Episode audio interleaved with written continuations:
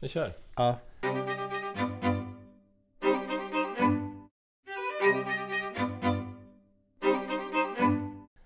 Välkomna till Dataministeriet med mig, Anders Bäckström.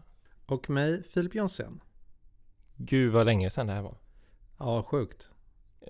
Jag vet inte om jag... Det känns som att jag måste harkla mig hela tiden för att jag inte är riktigt van vid att prata i en mikrofon.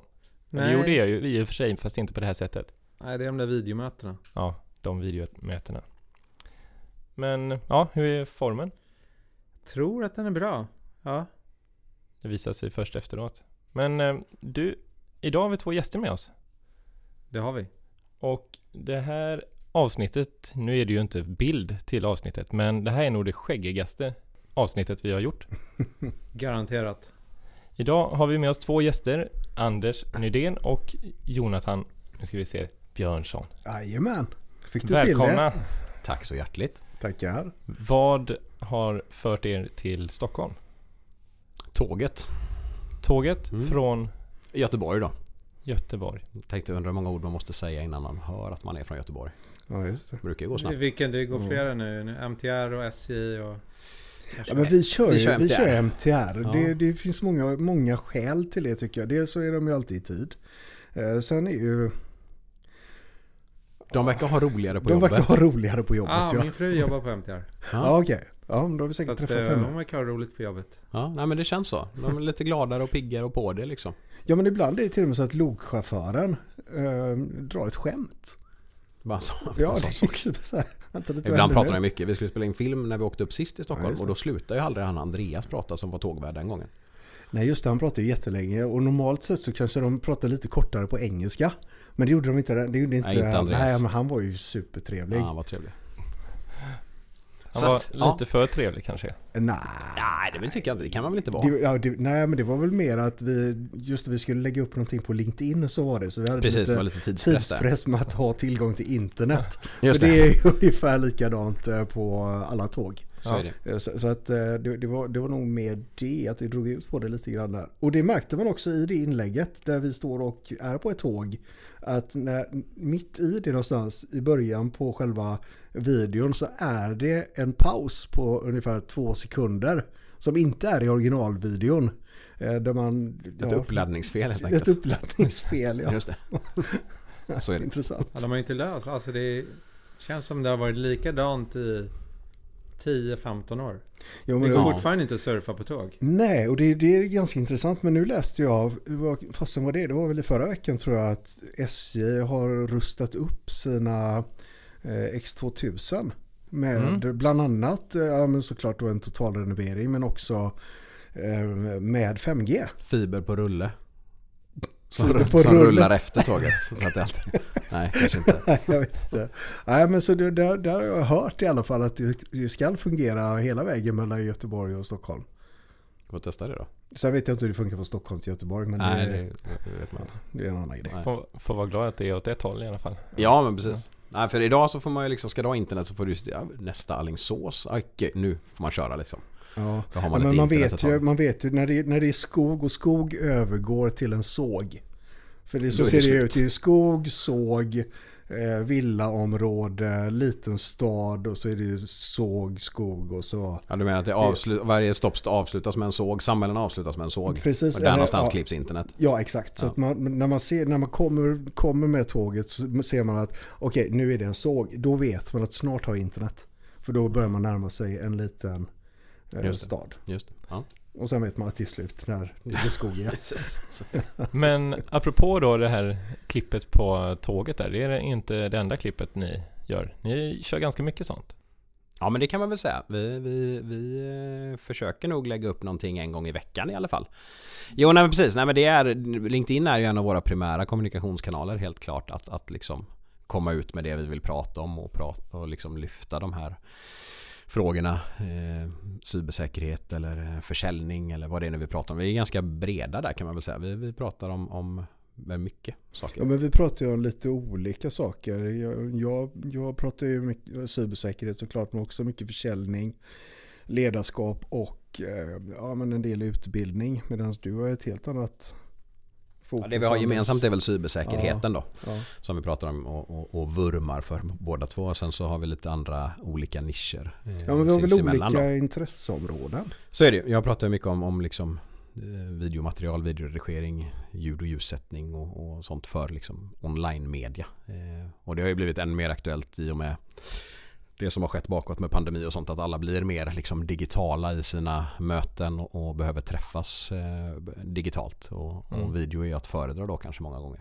Men då vilken är den bästa eh, green screenen? Jag är inte så mycket för greenscreens. Eh, För att? För att jag tycker att man ska gå den andra vägen och istället anstränga sig för att skapa en, en snygg riktig bakgrund. Eh, sen så kan ju greenscreens vara att, alltså pratar vi greenscreen så vad som helst, ett grönt skynke är bättre än det som är inbyggt i Teams, Zoom, alltså de här virtuella eh, greenscreensen. De, de är ju liksom, för mig då, mår jag lite dåligt när jag ser det. Men jag förstår att man har det, man vill ha sin företagslogga eller vad det nu är där bakom då. Men det är jätteenkelt att göra det själv med att köpa ett grönt lakan. Liksom. Eh, Och det blir bättre. Man kan väl säga, jag tog ju det hela vägen genom och jag sitter mycket i köket så jag köpte ett nytt kök helt enkelt. Ja det gjorde du. Du investerade i ett helt nytt kök. Som är jäkligt fräscht. Ja, Jag kör alltid den riktiga bakgrunden. Jag Ja. förstår inte. det, det är ju mycket trevligare. Ska man, och, och det, det håller med. Och, och liksom idag har liksom tekniken kommit så pass långt och är så pass billig så att att uppgradera sig från sin traditionella webbkamera till liksom att ha sin, sin systemkamera eller vloggkamera och ett, ett, liksom ett kort som fångar den signalen så blir bilden ännu trevligare eh, att titta på liksom. Men just det här, använd inte eh, mitt, mitt tips, använd inte den här inbyggda greenscreenen liksom. Gör något snyggt i bakgrunden, tänd lite lampor och, och, och gör det lite inbjudande. Det här blir dyrt känner jag. Jag som var nöjd att jag hade en annan bild än, än de här företags eh, Ja, jo men så är det ju. Men ska man köpa en greenscreen så kan jag rekommendera någon som är liksom portabel. Om man inte vill köpa ett lakan och hänga upp det är ganska krångligt för då ska du ta ner det. Så finns det eh, många tillverkare. Elgato gör en som är kanon som är som en jättestor roll-up egentligen. Som du bara drar upp bakom dig. Eh, och de blir också bättre än de virtuella givetvis. För då, då ja, de är inte så bra egentligen. Mm. Nej. Nej men eh, vad, jag kan väl bara, jag tycker att sånt är kul varje gång. Och ja, ni sa att ni hade cybersäkerhet eller cyber som er liksom gemensamma nämnare. Men vad har ni för, vad kommer ni ifrån för olika eh, saker? Eller vad, ja, hur hamnar ni där på den gemensamma nämnaren då? Så att säga. Ska du eller jag? Ja men du kan börja. Ja, Eller okej. köra. Av, börja avsluta. Eh, nej men jag drar inte hela listan på saker som, som jag har gjort i livet för det, den, den blir ganska så lång. Finns på Eh, LinkedIn? Vad sa du? Finns den på LinkedIn? Eh, nej. Nej, inte i Nej, närheten. inte jag lär mig nej. nya saker varje dag. Vi har ändå känt varandra i 13 år. 13 haft år liksom. Ja. Har jag sagt när jag jobbade som? Nej det har du inte sagt. Men Nej. ja.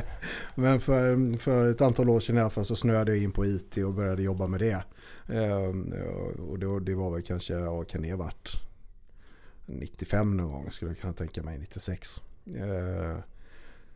Eh, eh, och gjorde det i lite olika konstellationer och sen så började vi helt enkelt jobba ihop du och jag på samma företag. Eh, 2008 någonstans Ja, började du tror 2008 jag. var det. Ja. Och därifrån så är vi ju, jag vet inte vad som har hänt, men vi, vi, eh, ja, vi är liksom hoplimmade på något sätt. Ja det var väl roligt. Det är väl Ja, det det som är kul. primära liksom. Ja. Så att, eh, ja, och jag började väl jobba med, med IT där eh, efter gymnasiet någon gång. 99-2000 kom jag in i liksom IT-branschen och började jobba eh, med lite olika saker. Jag kom ju in i den tidsepoken då när det var, när det var liksom inne med det här med hem-PC som man köpte. Köpte på bruttolöneavdrag tror jag upplägget var. Eh, Företaget så här kunde provida en, en dator liksom till den anställda. Mm, Just det, Hem-PC-tiden. Så jag byggde ju datorer från början. Det var ju liksom min grej. Jag skruvade datorer liksom. Mm. Det där var en jättesuccé. Det är en av stora anledningarna till att Sverige är så digitaliserat. Är det så? Ja, Jag visste faktiskt inte. jo. Då har jag, då, då är en stor del av digitaliseringen i min förtjänst helt enkelt. Ja men det, det var väl så att staten stötte väl till med ganska mycket pengar. Ja men det var att- subventionerat på något sätt. Ja precis. Just det. Jag kommer inte ihåg vad det hette. Det kallades Ja, det kallades väl hem-PC? Jag tror också Var det det. det? Ja, Ja, jag för mig det. okej. Ja, Mycket Ja, men- compact. ja HP. Och Siemens. Ja, och IBM också. Ja. De här Ja, kan, alla de. de är räfflor i. Ja, Deras, just den serien. Mm. Nej, men så då började jag med det och sen så, så blev jag kvar i IT-branschen och har jobbat liksom med väldigt brett. Allt från liksom ledarskap till IT-konsult och, och vad det nu kan vara. Så att, eh, Och ja. cyber. och cyber. Mm, men det, jag tror det är lika bra att vi håller det lite kort för att vi skulle kunna prata om det i två timmar om vad vi har gjort eh, Mm. tidigare. Så att eh, vi, vi har väl sett det mesta egentligen eh, när det kom. I och, med, I och med att man har jobbat som, som konsult i väldigt många år så har man haft möjlighet att se många olika typer av verksamheter. Man har haft möjlighet att vara med i många olika processer. Eh, och man har liksom ja, men varit en del i om man säger, IT-infrastrukturen hos många av sina kunder. Vilket ger en, en, en stor inblick i hur saker fungerar inom väldigt många olika områden. Så det, man, man har ju varit, det har ju varit allt från managementföretag till industri som man arbetar med. Så man har fått en väldigt bred, vad ska man säga, man, man, man kan se saker med en väldigt stor bredd om man kommer från, från den sidan av IT. Vilken är din favoritprocess? Jag, sk- Det är nu du ska svara nördigt explorer.exe. Det är en process som jag tycker är rolig. IT-skämt. Ja, nej. För min egen del så handlar det nog eh, många gånger om säljprocessen. Eh, att, eh, att kunna hjälpa någon till en bättre lösning än vad de har idag.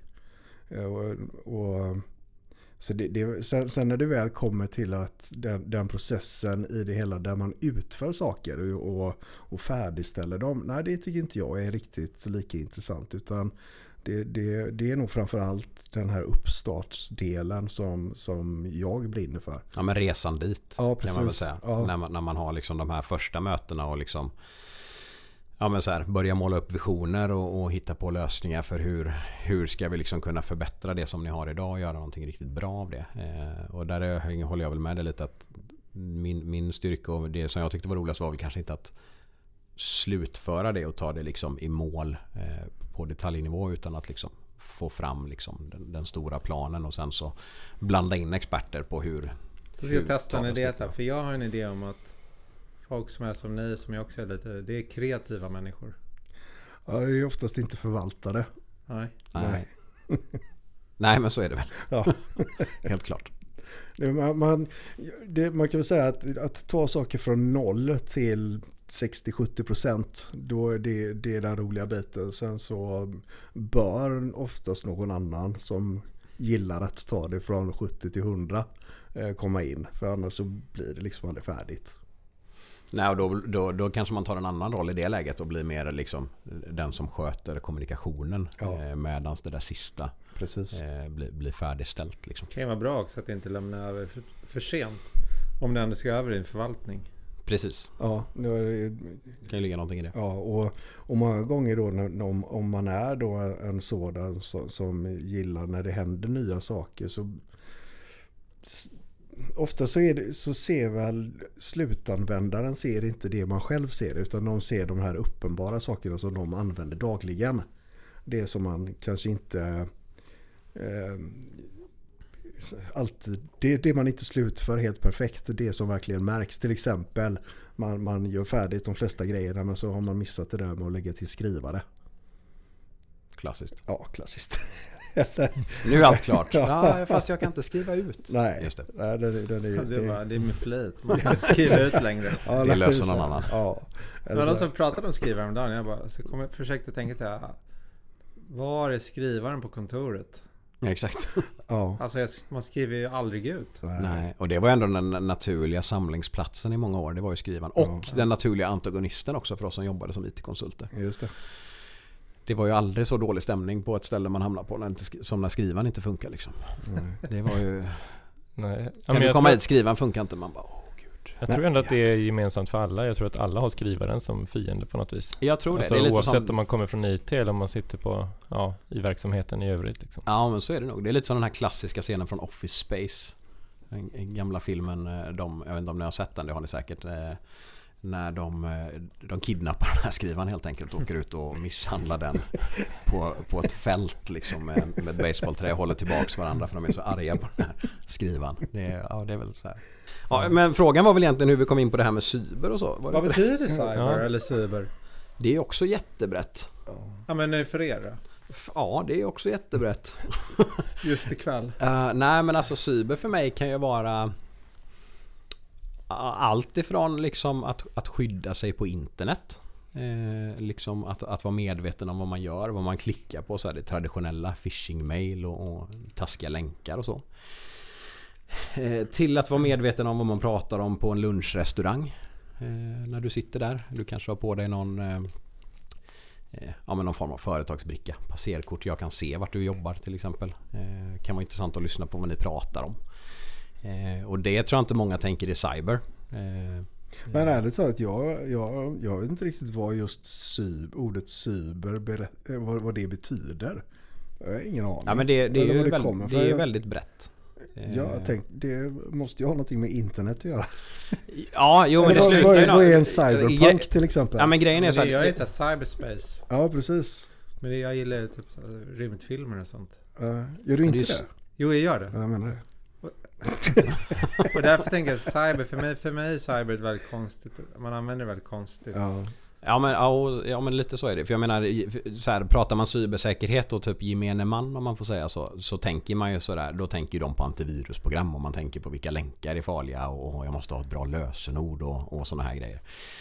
Men, de, eh, men för det är som sagt, det är det jag menar, det är så mycket bredare liksom. Det blir ju inte bara att, att cyber kan ju vara liksom, ja men vem släpper jag in i den här? Det var några som gick ut ur porten här när vi skulle upp hit liksom. Eh, Jag tror Anders, han smet in med någon. Jag smet in. Ja, Mm. Eller inte det med kan- någon. Det kan ju vara början smet på ut, jag smet in. Och det kan ju vara början på någonting som slutar någonstans på internet.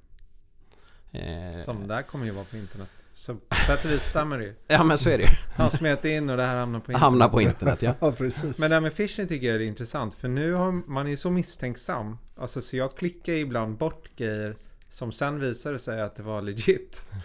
Det, Ja. har, det har hänt flera gånger. Och det är väl bättre egentligen. Ja, alltså, men det, en gång fick jag ett presentkort av, av jobbet. Jag bara, det här verkar skumt. Ja, Det var det, du vet, direkt när man bara såg det i inkorgen. Sen var det någon annan som frågade, ah, vad, vad snällt att vi fick de här presentkorten. Jag bara, vadå? Slängt, töm papperskorgen, bort med skiten bara liksom. Ja. Jag tror det var, det, var, det är nog ett par veckor sedan nu, eh, så, så fick jag ett telefonsamtal från eh, en IT-chef som jobbade på en kommun här i Sverige. Och eh, han, äh, dels så tyckte han väl att vi, hade, vi var dåliga på att svara för han hade försökt att få tag på oss nu i, i, i sex dagar tror jag. För att han hade fått ett mail från våran eh, fakturaavdelning och vågade inte klicka på pdf-en. Så det han gjorde egentligen det var att han ringde mig för att fråga om, han, om det här var vår mailadress. Och det här hade tagit honom några dagar att komma fram till det och sa ja det, det är vår mailadress, du kan klicka på den. Ja men då gör jag det. Och så klickade han på den och så sa han, nej men det här ser ju inte konstigt ut, jag godkänner det. Okej, bra, toppen. jag, vet, jag vet inte om han har tagit det för långt då eller... Nej men egentligen inte. jag, det, jag tänker så här, själva den... Eh, om man ska hantera varje mail man får på det sättet så blir, så Ja, det blir det ganska då. ineffektivt. Då är det ju bättre att gå tillbaka till att skicka vanlig post.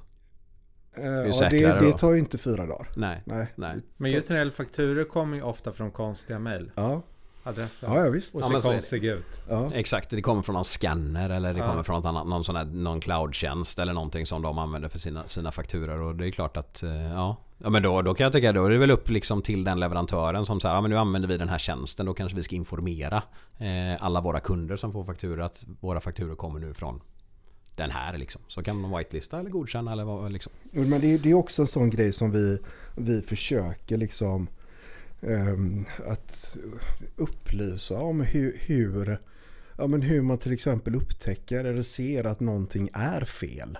Det är inte så himla komplicerat eh, normalt sett att liksom upptäcka att ja, men det här kommer inte från en, en korrekt avsändare. Men man måste, man måste ju veta hur man gör. Nu är det ju inte svårare än att kolla att ah, men det, det här är en riktig domän normalt sett. Eh, Och det här är därifrån utskicken kommer. Ehm, men eh, det- det handlar mycket om att bara göra det lilla för, för att, eh, ja, men för att ja, känna sig tryggare. Ja men så är det ju. Och det är den kunskapen väldigt många saknar idag. Ja precis och sen så, så en, rent krasst så är det så att du kan ju inte skydda dig mot allting liksom. Får man liksom någon form av riktad attack med en phishing-attack mot sig så, så är det ju inte jätteovanligt att man de som skapar det här mejlet eh, liksom skapar en domän som ser exakt egentligen ut som, som, som den domänen det kommer ifrån. Man byter ut liksom eh, om det är ett i till exempel så byter man ut det mot ett, mot ett stort L till exempel. Eller så här. Eh, I början. Alltså så att man, man maskar så att det ser riktigt ut. Sen så kan man givetvis därifrån också kolla upp så här, stämmer det här verkligen? Men det gör ju oftast de flesta inte. Men, men de här liksom traditionella breda phishing-mailen är ju ganska lätta att upptäcka. Typ, jag fick ju något för, för inte så länge sedan. Det var någon kampanj liksom där de körde... Kampanj, det låter konstigt så här, men det var, det var, det var så här riktat mot Facebook-användare liksom. Så jag fick ett mail så här. Ja, vi ser att du har problem att logga in på Facebook. Klicka, så här, klicka här så, så kommer du liksom. Så, så löser vi det åt dig då ser jättebra ut. Givetvis, de har använt liksom Facebooks färger, Facebooks logga och klickar du på den så kommer jag till en sida som ser ut som liksom Facebook-inloggningen. Och loggar jag in där så kommer jag till en sida som då, då kommer jag vidare till Facebook och är jag då inloggad och cashad i min, i min browser så kommer jag aldrig märka utan då tänker jag bara men nu har jag skrivit in mitt lösenord så är jag inne igen då liksom. Men kollar man så här, var kommer det ifrån? Ja men det är en domän som inte Facebook har. Så här, Facebook mail tror jag det var. Mm. .com. Och det är inte så svårt att kolla upp. Ja men det är ju faktiskt inte deras domän. Men, men för liksom Ja men för de allra flesta så är det inte Man måste ju känna till att det här är ett fenomen för att liksom reagera på det annars mm. så liksom Så tror jag man klickar på det där. Det är, eller ja, bevisligen så är det väldigt många som gör ja, det. Ja, ja. Liksom. det Men det var inte... Jag fick, jag fick någon fake-faktura från en advokatbyrå. Och så känns så det ju alltid. Ja. så gick jag in på deras hemsida och då hade de en banner så här, ja, men just, För de var föremål för för ja, bedragare. Ja, Alla var med om förut. Och de sa så här, en jättelång rad. Alla de här uh, domänerna är inte våra. Så får ni mail därifrån, då är det inte vi. Nej, men det var väl ungefär så som Postnord fick göra under, under den perioden för några år sedan när de ja, var väldigt ja, utsatta. Postnord-virusen. Ja, precis. Um, så att, ja. Men det, jag, jag hade ju inte anlitat dem så jag visste ju att jag inte skulle få någon faktura. Nej. Ja, men jag menar det där är väl också traditionell. Alltså det där är ju en klassiker. Jag menar det, det var ju liksom... Eh, jag vet inte hur stort det är idag men förut var det ju nästan alltid så när man satt med liksom fakturor och ekonomi under semesterperioderna. Ja, så kom det ju massa, det var några jävla telefonkataloger och allt möjligt. Gula sidorna som inte var gula sidorna som man skulle betala. Och det var ju skitmånga som betalade det liksom. Som var liksom vikarier under den perioden. Och så pröjsar man det för man vill inte liksom ringa och störa den här chefen som man hjälpte då under den här Nej. perioden. Så, så att det där är ju klassiskt spinna vidare på, på samma koncept att man digitaliserar det kanske. Apropå det här nu då egentligen. Vilka, vilka hot skulle ni säga är de vanligaste förekommande just nu? Både, både mot privatpersoner egentligen och mot verksamheter. Phishing, phishing mail är väl fortfarande den vanligaste. Även om det hade sjunkit nu i en undersökning vi var, mm. tog del av så, så, är det fortfarande den vanligaste vägen in. Både mot privatpersoner och mot, mot företag. Liksom. Eh, eh, så, så det, det, är väl fortfarande det traditionella, eller det vanligaste. Sen så kom, ser det ut som att sårbarheter och sånt ökar också som intrångsväg då. Framförallt kanske mot, mot företag och sådär då. Eh, där hotaktörer och sånt har blivit mycket snabbare på att eh, ja, men, reverse engineera de här eh, patcharna som kommer för att stänga till sårbarheter. Och sen i sin tur så säljer de kanske det vidare eller delar med sig det vidare till andra eh, hotaktörer för att liksom eh, öka trycket. Så, så, att ja, phishing och sårbarheter är väl det vanligaste. Eh. Ja, nu måste vi, vi måste ha fått på oss att vi måste alltid förklara alla begrepp. Så vad är det? Vi pratar om phishing, men vad är ett phishing-mail? Man kan väl säga att det som du pratade om alldeles nyss med, med eh, Facebook-grejen. Ja, man, eh, precis. Man får ett mail som utger sig för att liksom vara från en legitim källa. Eh, som, och liksom hela syftet är att du ska klicka på någonting och ge information eh, i det här mejlet. Liksom, till... Och vad händer när man klickar? Det vanligaste är ju att du kommer till, som jag sa som exempel, den här Facebook-sidan som ser ut som en Facebook-sida där du så här loggar in eh, med ditt användarnamn och ditt lösenord. Eh, och när du gör det så hamnar ju det, det går inte till Facebook utan det går till någon annan och så har de dina uppgifter liksom. Ja. Det, ja, men det, det, är ju, det är ju, man, kan väl säga, man kan väl säga att det, oftast så resulterar det i att man behöver fylla i sina uppgifter någonstans. Ja, lite så. Eh, så är det väl om man bara konkretiserar. Men det kan också vara, det kan också vara regelrätt utpressning. Att du får ett mail som säger att du har gjort vissa saker som du kanske inte har gjort och eh, att någon har bevis på det. Ehm, för vissa mer utsatta grupper kan man väl säga då. Där man, där man egentligen kräver att man, att man får betala in en, en summa pengar för att de ska ta bort den datan. Så de här att, klassikerna, man klickar på länk eller klickar på bilag, det är inte längre. Jo men det finns ju också kvar givetvis och det har ju också blivit mycket ja. mer sofistikerat idag. Idag kan, kan man ju det liksom paketeras i något som ser ut som en Word-fil som egentligen är baserat på liksom ett RTF-format där den kan i den koden säga att ja, men när jag öppnar det så presenterar, öppnar du Word och visar det som ett vanligt Word-dokument men i bakgrunden så säger det gå till den här sidan och hämta det paketet och gå till den sidan och hämta det paketet. Mm. Och så händer det saker och då kan ju det liksom hamna under radarn för system som ska upptäcka eh, oegentligheter i, i liksom IT-infrastrukturen också. Då. Eh. Det, är, det är många gånger det som är, är utmaningen för de som jobbar på IT-säkerhetssidan. Att ofta kommer ju attackerna inifrån. Det blir ju effekten om du klickar på en sådan länk, laddar ner någon fil eller klickar på, på någon fil som börjar göra någonting i bakgrunden. Det är ju att attacken kommer ju inte från utsidan. För de flesta företag idag är ju väldigt väl skyddade med brandväggar och så vidare. Och så vidare. Men eh, när internt så har man inte det. Så att eh, det, och det är väldigt svårt att skydda sig mot den typen av attacker om man inte gör en jättestor förändring i, i eh, sitt, sitt nätverk. Så att det, det blir ju såklart en väldigt vanlig attackmetod. Mm. Eh, jag tänkte på... Jag har sett en tv-serie för inte så länge sedan. Hackad mm. på SVT. Mm. Eh, där är det ju en del som har liknande eh, ja, men uppdrag gissar jag på så vis att de jobbar med cyber. De jobbar som, ja men vad ska man säga, etiska hackare kan man säga så. Mm. Jag, kom, jag blandar alltid ihop de här olika hattarna. Om det är, White hats är, är de? väl de, de snälla då, mm. om man säger det. Och black hats är, är de elaka. Sen och, så är det ju väldigt många Och som... Red Hat är någon Linux-grej. Nej, det, är, det, är det är väl en award egentligen, eller en utmärkelse?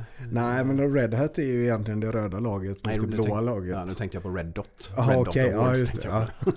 ja, nej, men så det, det är ju egentligen uh, tv-spelsfärger. Det är de röda attackerar och blåa försvarar. Och den, det, den, den termen finns ju inom liksom, eh, cyber och IT-säkerhet också. Liksom Blue Teams och Red Teams då. Mm. Eh. Och så finns det ju de som skickar ransomware och det är Black Hats. Och hotaktörer. Hotaktörer, ja. Precis. Ja. De taskiga liksom. De taskiga, ja. Som men, bara tjänar pengar. Men jag tänkte, för i, i den serien som jag faktiskt ändå rekommenderar alla att se, för jag tycker att den var bra och att den väcker många frågor tror jag för många verksamheter. Um, men även privatpersoner. Där verkar ju angreppssättet är verkar ändå vara ganska mycket detsamma. Nu är det väl baserat också på att det är lite tidsfrister och sånt där. Men att man ändå försöker just komma, ja, komma bakvägen på något vis. Eller att man hittar en väg in på något annat sätt. Att man kommer över någon router eller någon, eh, ja i stort sett en, vad ska man säga då, som en eh, box in. Liksom, så att man kan sätta i sin egen lilla dator där som sen kan snacka med, med hemdatorn någonstans. Men är det hårdvara eller? Ja, men... Ska jag säga.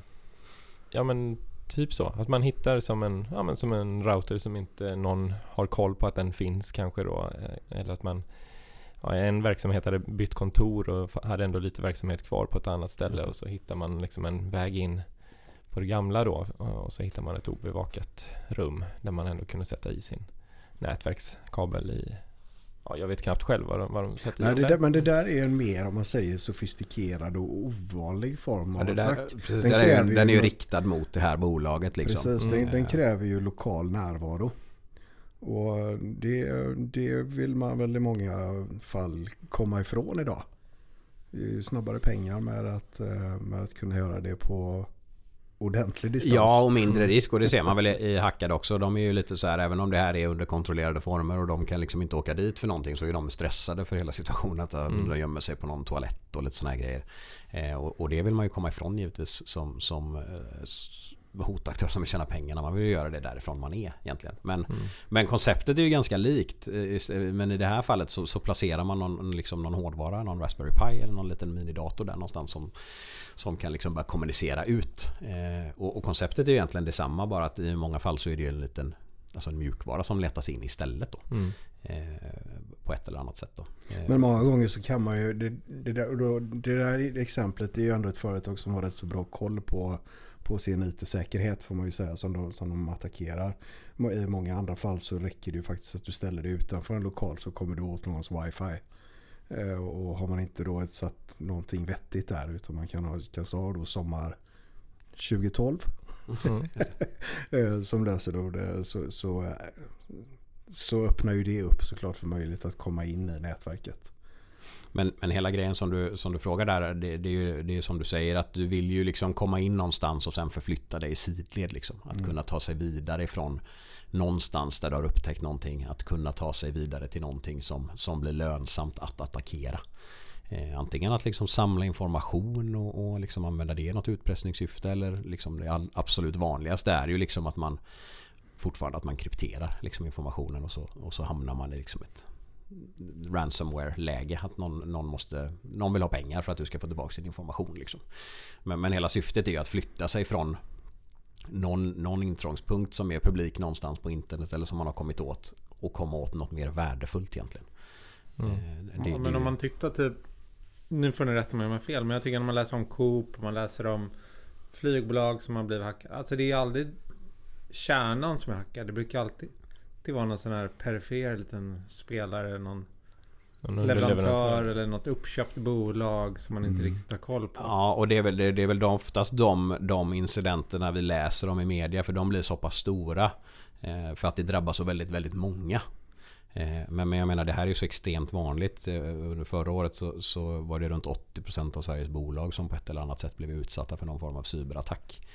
Eh, och det läser vi inte om i media för då hade det enda som vi hade läst om i tidningarna hela tiden. Eh, Mm. men, just som, som du är inne på här med, med liksom Coop och andra exempel då där eh, någon annan, någon tjänsteleverantör har blivit utsatt för det här och så helt plötsligt så har de tillgång till Coop och massa andra företag. Jag menar Coop var ju en av, liksom, var det, 1500 företag runt om i världen som blev drabbade av samma attack. Eh, och det är klart att det skapar ett massmedialt intresse liksom. Eh, för jag menar vad har vi i, i Sverige? Det är typ Coop och Ica och så har vi Lidl och så något annat liksom. Hemköp Hemköp. så, att, så att det är klart att det, det skapar ju ett, eh, liksom ett intresse i media. Det blir liksom så här. Vad säger man? Ja, och det, det, Allmännyheter, det, vi, liksom. ingen, ingen är ju mer tacksam för det än, än vi. Hur menar du nu? Nej, jag menar att Är det, det något du vill berätta? förutom det där kontot på Cayman Islands, nej. Nej, eh, nej men det får, alltså när det blir, när det får den exponeringen massmedialt så, så får ju vi ut vårt budskap på, eh, i en bredare skala. Ja, vi får ju mycket draghjälp där. Ja, absolut. Så att, eh, ja, det, det är såklart, det är inte bra att det händer men det är, det är bra att, att det lyfts upp nu i alla fall. Även om det är majoriteten aldrig, eh, om man säger anmäls eller, eller kommer upp till ytan så, så är det ändå bra när att allmänheten får upp ögonen för problematiken. Men, men de attackerna eh, Jag vet inte, jag kommer inte ihåg Men om man tittar lite mer så här klassiskt Som inte är det vanligaste längre Det är typ de här gamla filmerna eller Millennietrilogin eller Eller någon av de andra Det sitter någon i någon mörk källare eller Miss Robot Och sen typ I'm in Just det. Mm. Alltså är det Kan det gå till sådär? Eller Det är är det, klart bara det- det är klart. filmgrej? Nej men det är väl klart att det, det fortfarande existerar med liksom, liksom eh, Ja men som du är inne på att man, man sitter i någon mörk lokal med så här LED-lampor och så och så hackar man saker. Eh, men det är inte där de stora pengarna görs. Eh, utan, utan det bedrivs ju som, som liksom verksamheter och företag liksom. Sitter väl i lokalen med ljus kan jag tänka mig och har schysst utsikt. så att, eh, och liksom, så att, men det är klart att den, den delen finns där. Där så vet jag inte men jag tror att där där är man nog fortfarande kvar i lite så här aktivisthackningen liksom. Att man kanske har ett politiskt ändamål med, med sin attack. Eller liksom att det är ett företag som man inte tycker om. Liksom, då, då attackerar man dem. Men Men, Men- det går att göra liksom. Man kan, man kan sitta i en ända med internet och gå in i någon annans nätverk och vandra runt där. Mm. ja, vi kan ju Om man ta, vi kan, förbi brandväggar och allt vad det heter. Ja, för många är ju väldigt... eh, Vad ska man säga? Många bjuder ju in så att säga. Mm. Eh, eh, det finns massa verktyg på internet som är helt öppna och, och, och, och lagliga som egentligen används för andra syften där, där vi kan liksom hitta Ja men i dagsläget så skulle vi väl kunna från, från en stor liksom, kameratillverkare inom liksom, säkerhetskameror skulle vi säkert kunna hitta 5 miljoner enheter på ett par sekunder som är publika på internet. Eh, som är mer eller mindre eh, enkla att ta sig in i och därifrån många gånger vidare någon annanstans då. Så att, så att alla är, vi är ju superbra på att bjuda ut saker på internet. Visst, vi hade ju den där baby monitors för några år sedan Ja, också. ja. Precis. Som de hackade. Ja, Som som kunde prata, eller hur? Åt andra hållet. Ja, men exakt. Det, ja, det är klassiskt. Där, där finns det det också var en... riktigt obehagligt. Mm. Det fanns ju en, eh, en, jag kommer inte ihåg vad han hette, men det var en kille. Han hade, han hade en YouTube-kanal. Han gjorde lite sin mission att hacka de här för att informera de här som har blivit hackade. Att hallå, du kan inte ha det så här, det är öppet. Så började prata med folk genom de här och spelade in det då. Folk blev helt livrädda liksom. Och han försökte säga, men jag är snäll alltså. Jag vill bara säga att byt lösenord för det här är standard. Så här, jag vill inte något illa liksom. Men du vet om det här i alla fall. Och folk var ju så här. Jätteroligt. Och, och jag menar, och det där är, och det behöver liksom, det skrämmande är väl att det behöver inte vara kameror. Vi, vi kan, vi ska- vindkraftverkparker som ligger öppna på internet. Liksom. Vad kan man göra om man kommer åt det? Vatten, liksom. det var, när var det? Det var något år sedan eller ett och ett halvt år sedan i Två år sedan kanske, i Florida tror jag det var. Någonstans i USA, jag tror det var runt, i Florida. Där, där man kom över liksom eh, styrsystemet till liksom vattenreservoaren till den här Du staden. får väl tillägga att vi är inga experter på hur, hur man rengör vatten och så. i- Nej, det är det vi Men det absolut var väl också den där hotellet där de låste alla dörrar. Ja, det Ja. finns Sen var det ett massa. äldreboende där de sänkte temperaturen. Ja, det, ja, jag menar, ja, det finns ju många exempel som helst. Eh, eh, Ja, det gör det. Ja, men vi, får, vi får inte glömma en sak. Att eh, vi- som är på våran sida, vi, vi har ganska begränsade medel. Eh, och många företag har ju begränsad budget för IT-säkerhet. Så klart som är ett jätteproblem att det existerar. Eh, Medan på andra sidan så har vi full kreativitet. Eh, där behöver man inte driva ett projekt för att testskjuta en grej. Utan man, man knåpar ihop lite kod och sen chansar man. Får man 500 000 träffar så är det kanon. Får man 100 så är det också kanon. Eh, Så man har liksom inte den här utvecklingstiden som man har i, i, i våran ände.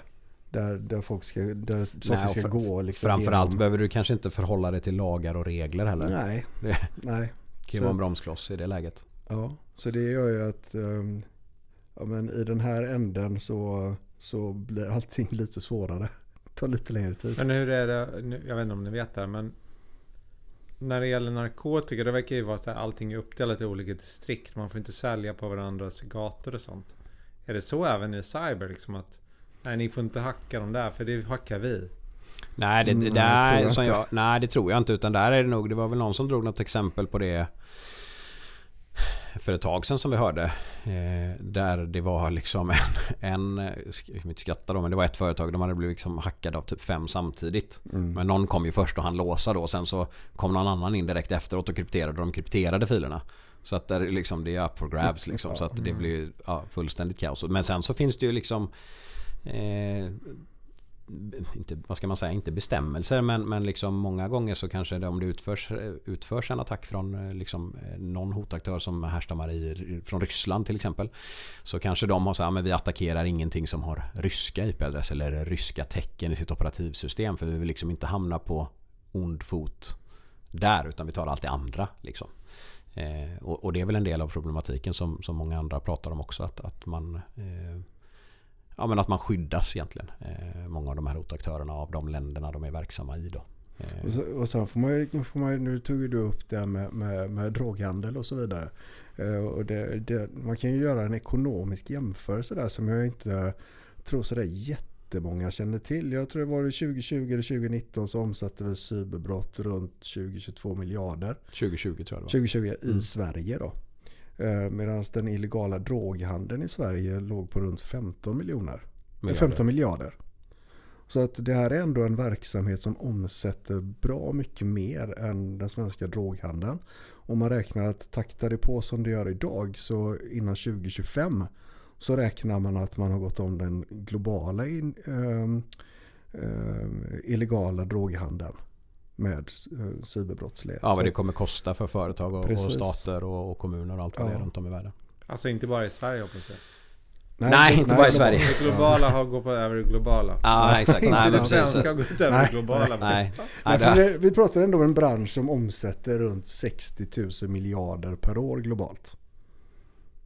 Jag vet, det är en sjuk siffra. Jag tror inte hur många nollor var det? var. Och det är, då, det är nu många, många frågar sig, men fasen är man i fel bransch eller? ja. Och då är det så här, för att förtydliga omsättningen så är det ju liksom vad, det, vad kostar det här för alla företag och, stater och länder och sånt där att hantera cyberbrotten? Liksom, så att det är inte så att de cyberkriminella tjänar eh, 60 000 miljarder. Liksom. Nej, men man kan väl eh, ta det här exemplet med den här eh, killen från Gotland var eller var det... Var han från Gotland? Jag vet inte om han som gjorde det var från Gotland men det var i alla fall Gotland som åkte dit på det. Jag tror inte, för, jag tror inte eh, historien förtäljer det riktigt vad han var från. Nej, nej, En inte det. 12-årig kille som, eh, som, eh, som äskade pengar från sin pappa genom att inom situationstecken köpa saker till Minecraft. Men igen- det han egentligen gjorde med de här 340 kronorna som vi pratar om. Det var att han köpte en, en eh, DDoS-attack mot Gotlands kommun. Som resulterade i problem för dem under sex månader med sin dataåtkomst. Eh, och en kostnad på runt se- 1,6 miljoner. Så det, det, det kostar 340 spänn att någon annan ska få Ja, betala och- 1,6 miljoner. Det, det, så det krävs inte så mycket insats för att göra stor skada.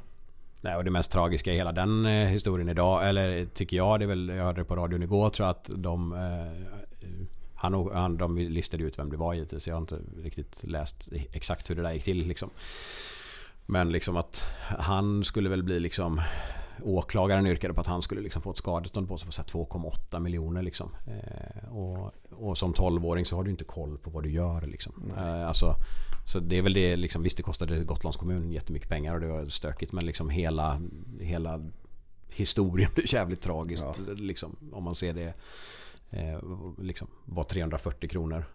Vi började där och slutade liksom. Ja, och så säger det också en del om kompetensnivån för att, eh, Det det. för att utföra ett cyberbrott. Mm. Nu, nu, nu, nu tjänar ju inte han några pengar på det. Men, men eh, det krävs alltså inte mycket kompetens idag för att eh, utsätta någon. Nej, och jag menar en stor del av, av, av affärsmodellen som används idag av cyber eh, eller av, av hotaktörerna är ju liksom as a service-tjänster. Att någon annan eh, liksom köper ransom as a service av någon av de här hotaktörerna liksom, eh, mot det här företaget. Eh, och så får de en del av pengarna och så får de andra en annan del av pengarna. Så att Många attacker börjar ju kanske där det liksom egentligen inte finns kompetens att utföra de här attackerna fullt ut. Utan, utan det är tjänster som förmedlas liksom, eh, på internet. Så vem som helst om man är krass kan ju egentligen eh, köpa de här tjänsterna. och De har en väldigt modern eh, vad ska man säga, affärsmodell. Ja det har det. De ligger, det ligger ju i tiden. Och sen jobbar man ju på distans. Jobbar de på Och distans. så tjänar de rätt så bra pengar. Och de har Ja, mycket, mycket att göra nu också hörde vi att det, nu var det ganska mycket fördröjning på ransomattackerna. Eh, kan man ju skratta åt men så här, oftast nu när någonting har blivit planterat någonstans och kan aktiveras så det, har de så pass mycket att göra så att det kan oftast ta några dygn nu innan de aktiverar dem. Innan de hinner liksom i sin ärendelogg att okej nu är det aktivt så måste vi dit också. Så det, det, de, de söker väl folk eh, sa de på det där seminariet. Rekryterar en del. Ja.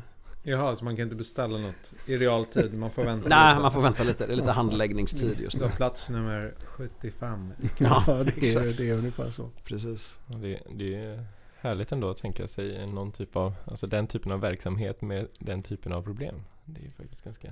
Om man blickar Coolt. lite framåt då, kommer vi... Kommer det se ut så här nu under vår livstid eller? Alltså det, det, det är ju jättesvårt att säga om. Alltså allt handlar ju... Om vi tar tre år då?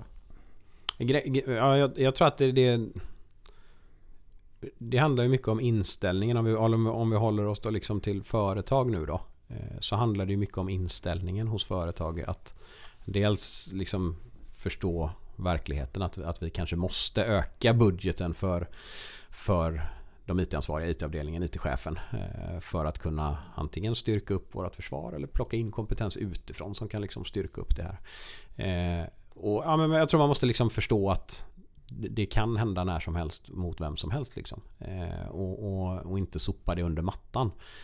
För, då- för då kommer det nog se likadant ut. Gör, väl, alltså, det är lite så här, gör du samma sak om och om igen så blir resultatet oftast samma.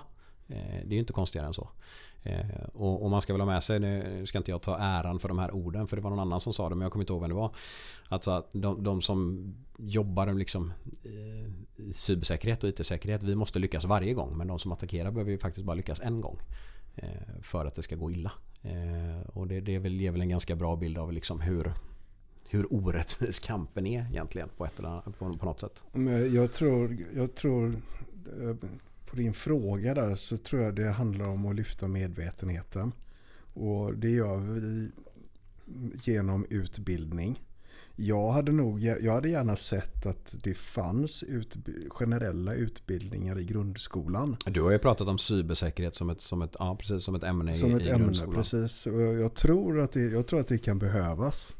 Ehm, för, för ungdomar att, jag menar det, det är deras verklighet som, som som de växer upp i. Det är liksom inget konstigt för dem att, att vara online. Det är jäkligt mer annorlunda för dem tror jag att inte vara det. Eh, men det är en helt annan fråga. Eh, men jag tror att vi behöver börja bygga den medvetenheten redan i tidig ålder.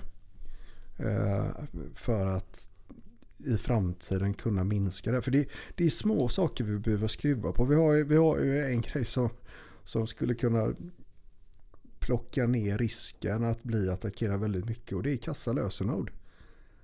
Mm. Eller att ha kassa ja. Du sa sommar 12 är rätt bra. Sommar 12, ja det är bra för det, 2012 var så länge sedan så det är ingen som gissar det. Ja, nej, så att, eh, och, och, och det där är ju Det är ju så himla enkelt att skruva på det. Egentligen.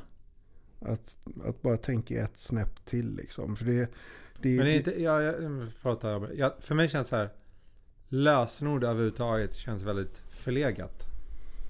För att lösenord kommer alltid vara upp till mig och alla andra att försöka komma ihåg. Och vi är lata. Och det är svårt att komma ihåg grejer. Mm. Men när man loggar in på jobbet då är det inget lösenord. Då har man ju liksom fingeravtryck och det är en liten sån här bong och det är liksom tusen olika grejer. Och sen har du din pinkod eller något.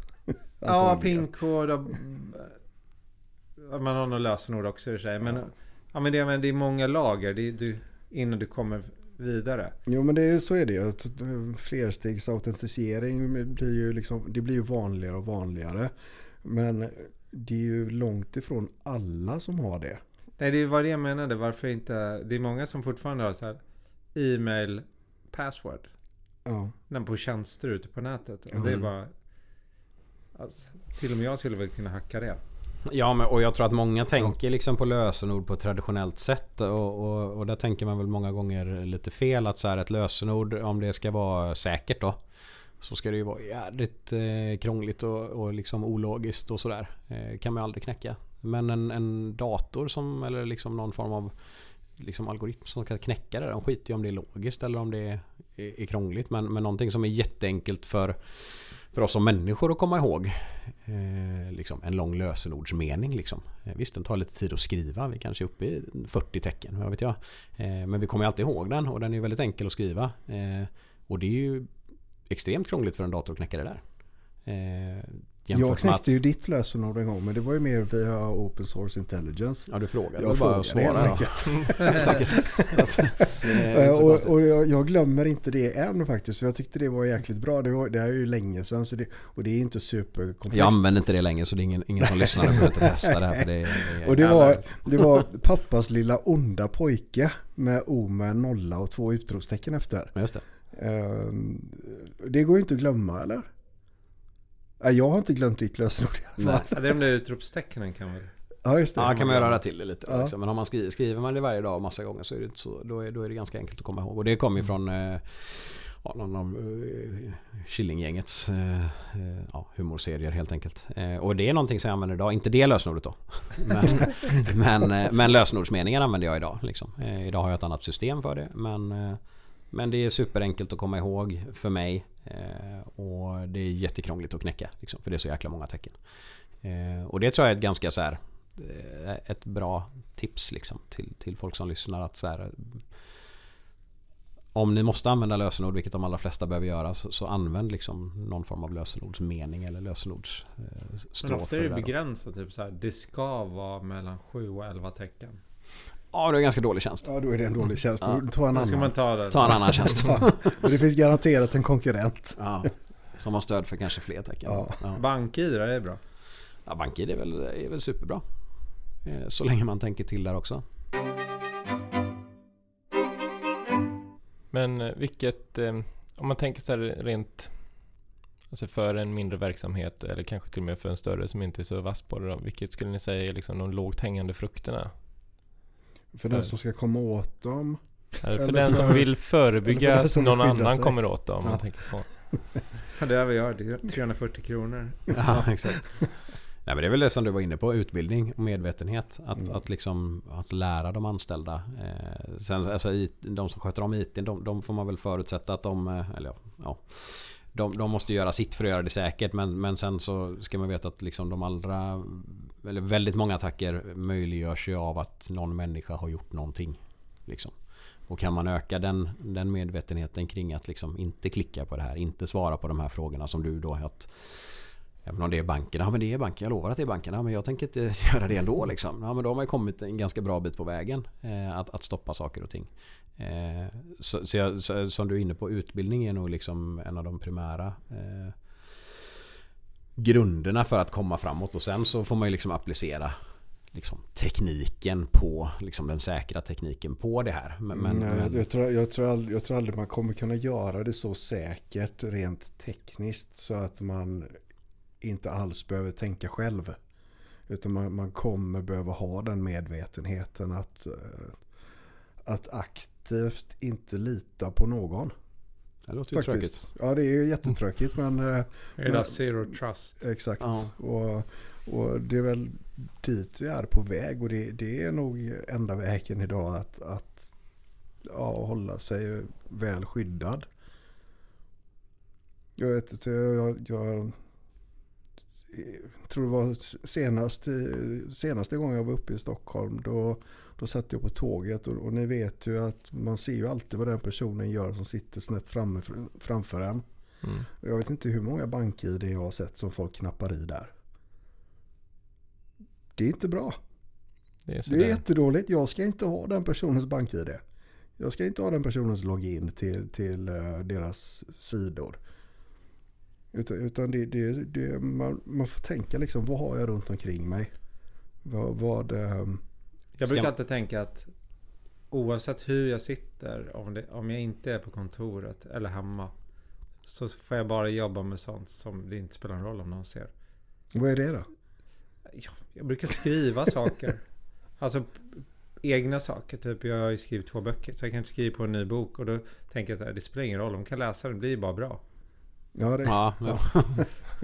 Nej men det, är alltså sånt. Det har ingenting med jobbet att göra utan bara random grejer. Eller typ kolla trädgårdstidningar eller vad vet jag. Ja, men, och jag, jag, jag, jag tror det är helt rätt att till exempel när man sätter sig ner i en hotellfoyer och börjar greja med sin dator eller sin telefon. Kolla vart du har närmsta kamerorna. Varför inte? Nej, Jag kopplar aldrig upp med wifi heller. Nej. Det låter som en foliehatt. alltså. Har du det under kepsen? ja, kanske. Nej, men jag men tror det att det, det gäller att tänka det extra steget idag eh, för sin, e, för sin integritets skull. Och då är det ju delvis privata såklart men också, också när det kommer till jobb. Mm. Ja och sen liksom så här, det är också ett exempel som, som, är, som du tog upp där förut i den här eh, serien, eh, Hackad. Så ett jätte- jättebra bra exempel när, när de, eh, de ska in hos något företag där och säger att de har bokat möte med någon och skickat liksom ett, ett, eh, ett fejkat mail. Eh, och de i receptionen liksom, "Ja, men det här måste vi kolla upp och säger så här, nej du får inte komma in, vi måste kolla upp det här. Och det där tror jag är extremt ovanligt. Liksom. Jag skulle säkert kunna gå in, eller ni också, på, på ganska många företag och säga ah, men, jag vill inringd, jag ska kolla på någonting. Är det något strul med kaffemaskinen eller något strul med skrivaren eller någonting. Så att jag behöver bara ha någonstans jag kan packa upp lite grejer liksom. Och Mm. jag tror att i de allra flesta fall så säger ah, men ta, här borta är ledigt så där är det nog ingen som har bokat. Så tar du det rummet då liksom. Och det tror jag är fortfarande jättevanligt. Jag, liksom. Ja, absolut, och Eh. nu, nu, börjar det ju, nu börjar det ju till och med spridas, eller jag vet inte hur det börjar spridas egentligen, men, men, men eh, någonstans i England. Jag tror det var England ja. Ja, så, jag kommer inte ihåg vilken stad, så hade de ju börjat ge pressade priser på städtjänster. eh, hackarna för att ja, egentligen de, de tog väldigt lite betalt så de fick ju affärerna såklart. Men det gjorde att de hade ju sitt folk som var i, inne i kundens lokaler och kunde koppla in i princip vad de ville, en dator eller någon, i något nätverksuttag. Mm. Så att man, man får, det handlar ju inte bara om den digitala säkerheten om man säger utan man måste nu även titta på den fysiska säkerheten för att de här som jobbar med det här professionellt de, de tar helt, de, dels har de inte så mycket skrupler. Ofta ingår de i någon form av organiserad brottslighet som har flera ben i, i sin, eller fler, flera produkter i sin portfölj kan man säga. Ehm, så de har ju folk till det mesta. Så att eh, det, den delen av hotet behöver vi också se framåt. Så vi behöver skydda oss både digitalt och fysiskt. Mm. Hos oss står det ju på var alla entréer är så stora skyltar. Det, vad heter det på engelska när någon går med den? In. Ja, det heter något uttryck. Mm. Det står så här stora skyltar man- att man verkligen inte... Man måste kolla badge på alla och Ja just det. egentligen ska man typ smälla igen dörren framför dem. Ja, men det, har du då, Öppna den här luckan. men har Ja, du då till exempel eh, avtal på kaffemaskiner till exempel så har ju de en badge. Ja, det har de. Ja, Ja. eller städfirman. Eller vilken, vilken konsult du nu kan tänkas anlita som har kommit in med rätt pris. Då har de ju, de har ju allting för att vara där legalt. Mm. Det är lurigt som fanken. Ja det är det. Det låter obehagligt. Ja, Jag, vet du vad jag trodde du skulle säga? Att det har stora skyltar vid entréerna. Jag trodde det skulle vara en 1984-referens igen. Med storebror se dig på dem där. Men det kanske också kan vara avskräckande. Eller så. Ja, jo. DPO'n ser dig. Mm, exakt. Ja, det är väldigt obehagligt. Men nu, eh, nu tänker jag att, eh, att det har varit väldigt annorlunda under covid också. När liksom, kontoren i, i viss mån har varit tomma ibland och ibland har det varit fullt. Och folk jobbar hemma. Och hur har man setupen hemma liksom? Ja men ja, precis och där, där har ju liksom cyberbrottsligheten fått sig ett uppsving eh, givetvis. Eh, framförallt för att saker skedde väldigt snabbt. Mm. Att företag liksom, ja men vi måste liksom på något sätt ställa om nu så att alla kan jobba hemma. Man kanske inte tog det liksom i alla steg för att göra det liksom. Vilken är den säkraste lösningen? Hur utbildar vi folk? Utan det är så här, nu måste vi komma igång liksom. Eh, så, så att det, det har väl absolut spett på liksom, tillväxten i, i, i liksom, bland de cyberkriminella eller den cyberkriminella branschen. Det har ju öppnat en helt annan möjlighet eh, för dem. Och det kan man ju, det kan man ju förstå som, som IT-avdelning om man, eh, om man är ett företag som normalt sett är på kontoret. Vi ska jobba på kontoret. Vi är 900 personer eller vi är 600 personer eller vad man nu kan vara. Till att gå från nu ska alla jobba hemma. Man, Alla måste ha access och kunna jobba hemma. Precis. På ett eller Annars, annat annars sätt. får vi liksom packa ihop. Eh, och det är Plötsligt klart- har vi 600 kontor. Ja, men exakt. Exakt. Eh, Med, och på varje kontor så har vi x antal uppkopplade enheter i form av tv och ja, vad man nu har. Kanske en Apple TV och spelkonsol eller vad det nu är. Högtalare. Ja, Ja. ja. och i, i, vissa, Ja, i vissa fall allt. Ja, kylskåp och ugnar och... Tandborste har jag sett också man kan. Ja, men jag, jag, det var ju någon, det var ju någon jag, det var väl IDG jag läste det på tror jag. Det var det någon som, som skrev just om att de hade fått upp eh, uppkopplade kaff, eh, katt, kattmatningssystem i sina nätverk. eller i sitt nätverk. Och det är klart att det är ju inte kanske önskvärt från IT-avdelningens sida att se en kattmatare dyka upp i, i sin infrastruktur. Nej men tänk dig bara ett felsökningsperspektiv. Liksom, mardrömsscenario liksom. Ja, och så kan man ju säga, ja, kan man tänka, de här, de här som säljer de här maskinerna, eller de som tillverkar de här kattmatningsmaskinerna, hur bra är de på IT-säkerhet egentligen? Är det, det de har som, är det deras Mm. fokus? Är det där de är som vassast? IT-säkerhet eller kattmat. Ja, exakt. Ja, ja, jag, tror vi kan gissa. Ja. Det är det med alla bilar och sådär. De är alla, alla, allting är uppkopplat. Där har jag jäkligt dålig Ja, koll hur, ingen hur aning den faktiskt. kommunikationen funkar faktiskt. Men, men det, var, eh, det var någon som skrev det här om dagen på LinkedIn. eh, Att liksom i framtiden befarar man liksom att liksom alla bilar kommer kunna gå att hacka. Eh, Jag vet inte vem det var som skrev det. Ja, jag minns inte. Men det var i alla fall någon, på, någon, någon jag har i mitt nätverk på, på LinkedIn. Eller gör man som min kollega frågat här. när han var hemma så tittade på den här laddboxen. Bara, uh, Filip, hur, hur skyddar du laddboxen när du inte är hemma? Jag bara, va? Jag bara, ah, bra, då kommer jag hit och laddar min bil. Ja, just det. Ja, ja visst. Ja, kan vi göra. Det är ju inte konstigare än att bara öppna den här luckan och så stoppa i sladden liksom. Nej, det är ganska Jag bara, oj, det hade jag inte tänkt på. Nej. Nej men så att det, alltså, och jag menar det där är väl eh, allt sånt. Sen så vet jag inte hur liksom fordonsindustrin ser på det där. eh, eh, Hur förberedda de är på att liksom Men vi får väl, man får väl leva på hoppet där och Ja. hoppas att de har regler och Hoppas att bromsen så- funkar idag också. Ja, det också ja. Här blinkar ju vänster, nej höger. Ja, ja. nej, det kan bli stökigt det där. Eller om det kommer någon röst som bara pratar plötsligt lite högtalarna. Ja exakt, precis. Ja. Nej, jag, jag, jag, jag, vågar, jag vågar inte ge mig in i den, eh, den diskussionen faktiskt. Jag inte den Nej, blekaste man är på semester. Det är en familjesemester. Helt plötsligt stannar bilen och en röst bara Betala 5000 annars får ni inte åka vidare. Ja exakt, ransom attackerar Ja. bilar liksom. Ja. Var stannar de? Då blir man stressad med barnen och allt. Usch. Ja. Mm. Men jag Ja, tänker som usch. så här med, med typ ja, men terrorattacker sådana här som verkar vara ganska hända lite nu och då. Med, just med bilar, att någon kör in i full fart i någon demonstration eller vad det är. Eh, Det var väl någonting sånt i USA eh, alldeles Mm. nyligen. ja just det, var häromdagen det. Eh, Sånt blir ju ganska lätt om någon annan kan ta över en bil. Ja, ja jo absolut. Eftersom många också siktar mot att bli självkörande och att den som sitter i bilen inte nödvändigtvis Ja, att behöver man liksom- köra. Tror du nya Tesla ska man kunna köra från mobilen? Ja men de har ju någon sån här summit-funktion liksom. Eh, när du står så här, det regnar när jag står utanför Walmart här liksom. Och så kan du summit the car och så kör ju den till dig liksom sådär. Som Kit. Ett- Ja men lite så, men de kör lite långsammare. En Kit var ju lite coolare. När han Mm. blinkade och sådär. Körde rätt snabbt. Men eh, ja. Nej och där, men där, där tror jag, jag vet inte det, det har väl funnits länge i alla fall i mycket av sådana här eh, liksom eh, eh, typ transportfordon och sånt med så här kill switch liksom. Om de blir stulna och så i alla fall. Men det tänkte jag på. Vi hade ju strömavbrott här uppe. Häromdag. Eh, Två dagar i rad va? Var det inte så? Ja, först var det söder och sen var det ute där vi bor i Bromma. Och till och med masterna låg nere. Så att, men det gick att ringa på fast lina. Bokstavligt. Nej, inte bokstavligt. Men det gick inte att surfa på mobilen. Nej. Det gick att ringa så att det var väl någonting med bandbredden.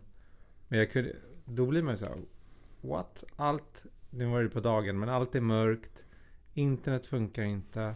Jag fick ju foliehattskänsla i det läget för vi hade ju strömavbrott i Göteborg samma dag eller om det Ah, var dagen innan för typ 14-15 tusen hushåll. Jag vet inte om du, din ström gick. För det var ute i vårt område där vi bor men jag hade strömmen kvar. Men sen så Jag de, UPS. Ja du Och sen så var det Stockholm två dagar. eller någonting. Kör du slut bilen, då kan du inte ladda den Nej det går inte. Och då tänkte jag, vad fan är oddsen att det är strömavbrott på liksom de två största städerna i Sverige så här två dagar. Nu är det något på gång här tänkte jag. Ja, det tänkte jag med faktiskt. Ja, man kan bli lite paranoid. Ja. Och nu fick man ett sms på, ah, vi kommer utföra elarbeten imorgon. Man bara, hmm. Ja, Har det här något med det andra att göra? Fysiska eller digitala. Ja exakt. Lämna dina uppgifter då. Nej, det behövde jag inte göra. Ja, men så kontentan liksom för att öka cybersäkerheten är väl att vara lite paranoid kanske. Men om man Ja. tänker, ni, Ja. var, ni var inne på äldre som blir uppringda och, och yngre som gör saker. Var är medvetenheten högst tror ni? Eller vet ni? Är det typ ungdomar? Eller är det 40 plus? Eller? Jag tror inte det är, jag, Jag tror tror faktiskt inte det finns, att det Nej, är det har inte med det att göra. åldersbestämma. Nej, utan det handlar nog om liksom intresse och kunskap. Ja. Eh, Det ser man ju liksom på alla, om man, om man liksom följer cybersäkerhetsexperterna runt om i världen så är ju liksom åldersspannet jäkligt spritt. Mm. Från liksom väldigt unga förmågor till liksom folk Så man som... blir liksom inte av med det i och med att folk har växt upp med internet. Inte utan utbildning. Nej. Det tror jag inte för att ja, det är väl klart att folk runt, runt omkring mig är privat. Som jag pratar med har en högre medvetenhet än, än, folk, än, än, än man har i allmänhet. Men har man ingen som, om man säger, känner till det här som berättar för en om det är föräldrar eller om det är någon i ens bekantskapskrets så, så vet man ju inte. Då, är, då, då får du förlita dig på, på media då i så fall. Men, men det räcker ju inte. Man behöver få det här liksom inpräntat på ett mycket tydligare sätt än vad man får idag. Ja, för idag... Man vet inte vad sina barn är. Nej. Alltså jag vet det eftersom man har ingen mobil eller någonting. Men när de blir äldre då visar det sig. Jag kommer inte ha en aning om vad de håller på med. Nej. Nej men det är alltså eh, Mina barn är ju 32, 22 och 17. Eh, och om man, om man går tillbaka några år i tiden så var det inga föräldrar som visste vart ens barn var.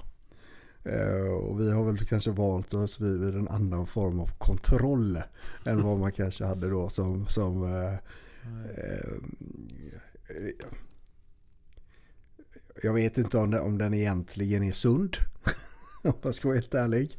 Eh, som förälder att alltid behöva ha kontroll på, på var barnen är. Eh, men, men den stora frågan är alltså inte bara de här rent fysiskt kanske. Utan, men sen så tror jag det är jätteviktigt att och det är ju väldigt många som pratar om det att liksom ha, ha reda på vad, vad gör barn på internet idag. Det är ju en mm. helt annan fråga liksom. Men det, ja, det var mest det, det, var ja. det jag tänkte Ja jag menar det. Ja, det är ju jättemånga jag som... Jag tänkte liksom, inte såhär att inte hålla koll på en 32-åring vad den är rent geografiskt. vad fasen gör du det? Eller digitalt faktiskt. Hon får klara sig själv.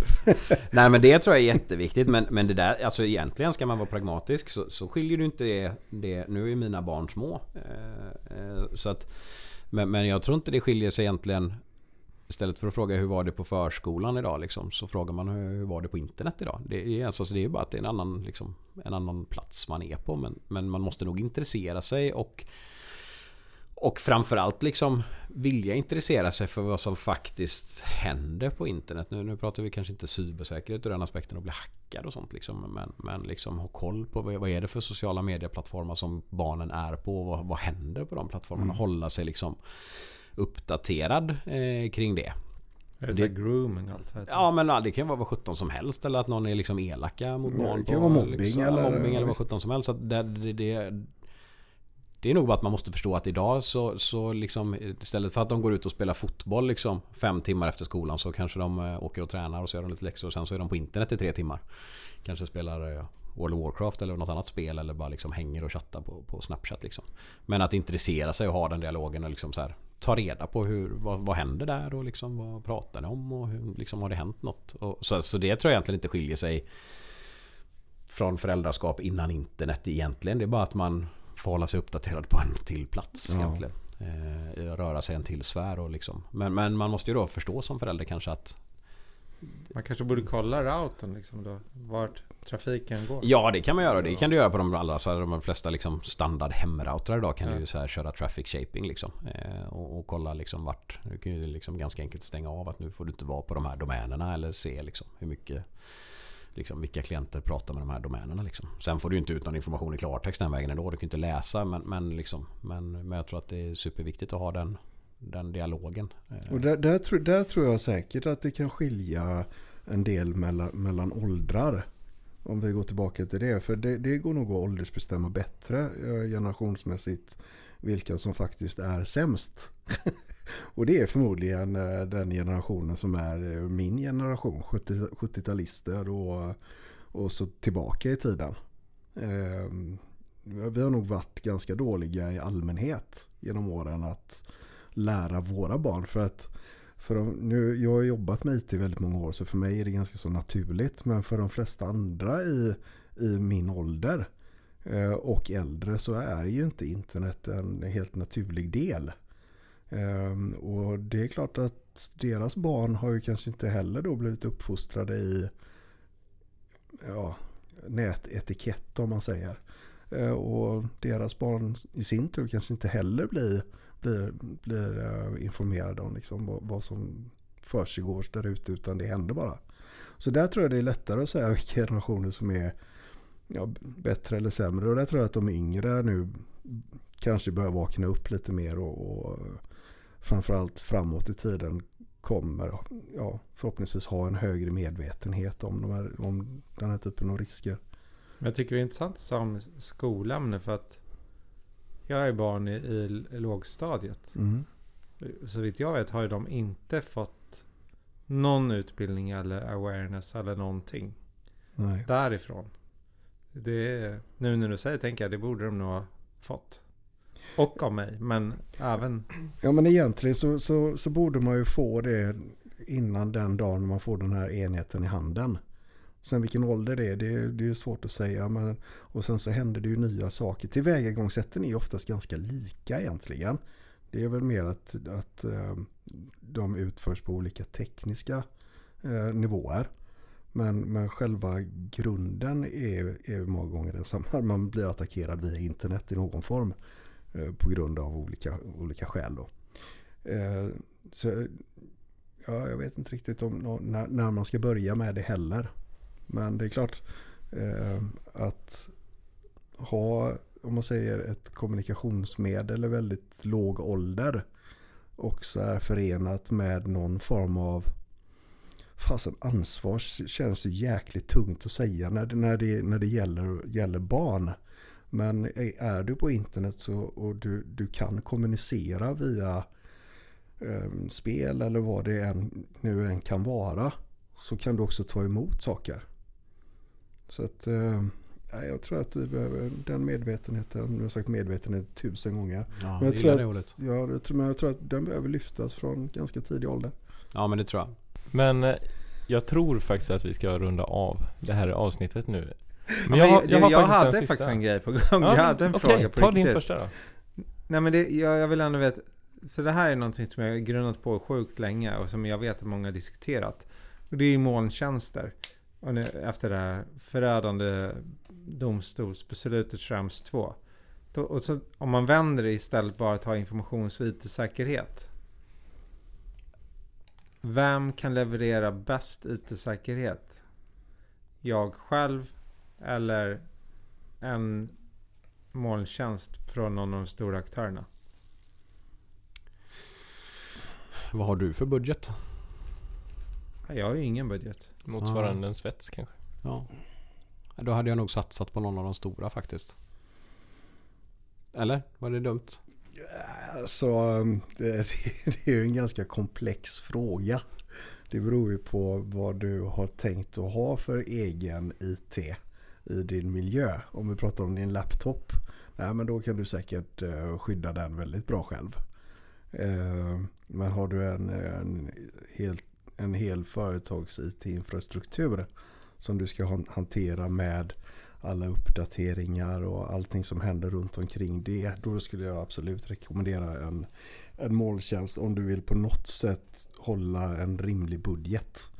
För annars kommer du få ha men dels så kommer du behöva ha mycket personal som, som jobbar med din, din IT-infrastruktur för att hålla den cybersäker. Du behöver väldigt många olika typer av roller. Du behöver garanterat ha en CISO som hanterar de olika delarna.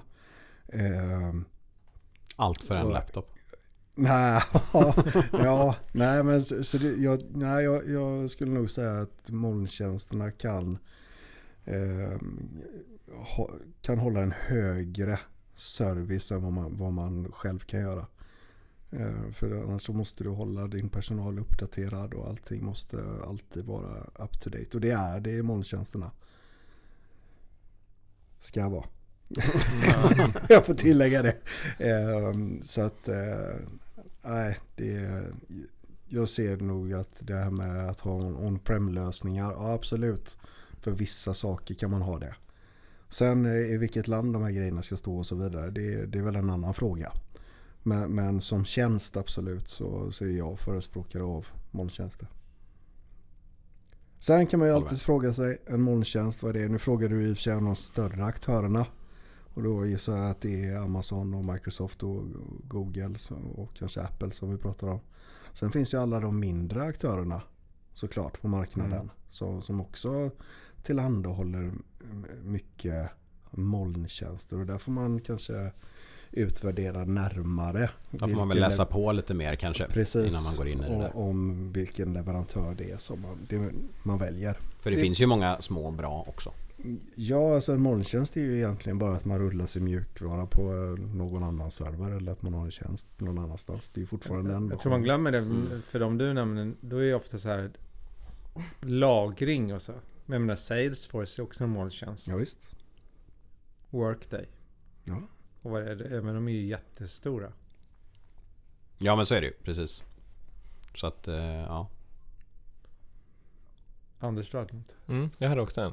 Vi pratade lite grann om det innan. Det här när 600 anställda gick från ett kontor till 600 kontor. Mm. Ehm, har ni några enkla tips till dem utöver att liksom klicka, på, klicka inte på skumma mejllänkar? Just för att skydda sin eh, IT-miljö hemma. Eller för en privatperson generellt som är intresserad av att skydda sig. Ehm, ni nämnde ju också att ni, hade, ni gillade eh, Home Automation. Eh, och det fanns ju också ett avsnitt i Hackad där, där det var någon som också gillade mycket sådana grejer. Ja, och liksom att splitta olika saker. Och det där är ju inte riktigt min kunskapsnivå kände jag med att Nej men så där är det Mm. väl liksom att dela upp sin, sina nätverksgrejer. Liksom nätverksutrustningen är väl eh, ett bra steg. eh, Eller ett första steg liksom att Kommer vad, man vad betyder det då? Ja men det är ju egentligen att så här, ja, men, så att jag har min, min hemautomation till exempel och all hemautomation är på ett nät. Så kommer någon åt det så, så, så är de på det nätet. Liksom. Men de kan inte ta sig vidare till mitt andra nät där jag kanske har företagshemligheter. Nu har inte jag det. Men, men om man liksom skulle måla upp det scenariot då. Då har man liksom ett segmenterat nätverk. Och liksom, nu har vi inte pratat om men det är, det är också en väldigt viktig del av cybersäkerhetstänket. Att dela upp så att rätt enheter är på rätt nät. Så att Företaget som ska installera liksom Vi ska ha en ny kaffemaskin på kontoret. Ja men den ska ju absolut inte in i företagets nätverk. Där får man ju ha ett separat nätverk för kaffemaskinen. Om den behöver nu komma ut på internet. Och liksom, så att den ska skicka meddelande till kaffetillverkaren eller kaffeleverantören när det ska utföra service eller beställas nytt kaffe eller vad det nu kan vara då. Så att inte allt klumpas ihop på ett och samma nät. Och den principen går ju att applicera hemma också givetvis. Om du har Mm. hemautomation och sådär. Eh, sen hur man ska skydda sig eh, som, som liksom om man tänker så här ur ett företagsperspektiv att jag, jag, tar med, jag har med min dator hem och jobbar hemifrån och kopplar upp mig förhoppningsvis via någon säker VPN-uppkoppling. Eh, så, är, så är väl egentligen den krassa verkligheten att, att se den här jobbdatorn är min jobbdator. Det ska inte vara någonting annat på den. Jag ska inte koppla in några grejer hemifrån eller eh, installera något, något spel eller något annat, någon annan mjukvara liksom, som inte liksom, IT-avdelningen har kontroll på. Eh, utan liksom minimera eh, allt sånt. Jobbdatorn är jobbdatorn, det är ett verktyg. Eh, och på den så har jag mina jobbrelaterade saker. Eh, och, och jag surfar liksom kanske, man kan ju dra det hur långt som helst. Liksom. Jag använder inte vissa webbtjänster på den datorn, jag loggar inte in där liksom. Utan den, den är för jobb. Mm. Men det handlar, mycket handlar ju om eh, att isolera sin data till där den ska vara. Ja. Så det är väl egentligen det segmentering betyder. Att man delar upp nätet i olika delar och isolerar till exempel hemautomation till en del hemma. Och sen kanske man har en del som är för, för jobb då. Får jag gissa också? Medvetenhet. Eh, ja, medvetenhet är ju... den, är, ja, den är viktig att ha såklart. Men hur gör man det bäst, alltså någon som egentligen inte kan men som skulle vilja? Läs jag. Ja, men, det, ja, men, men då, kan man, då skulle jag nog säga så här, googla på det.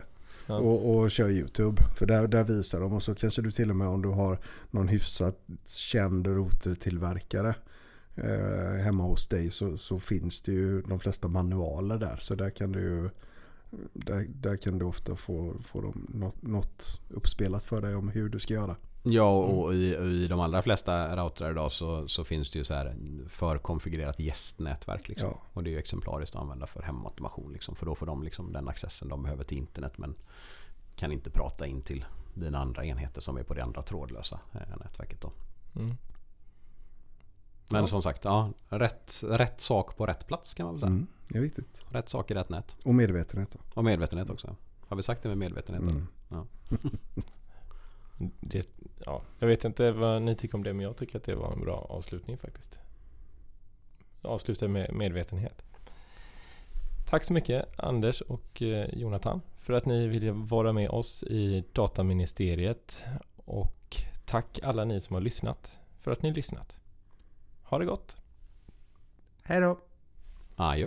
Hej hej.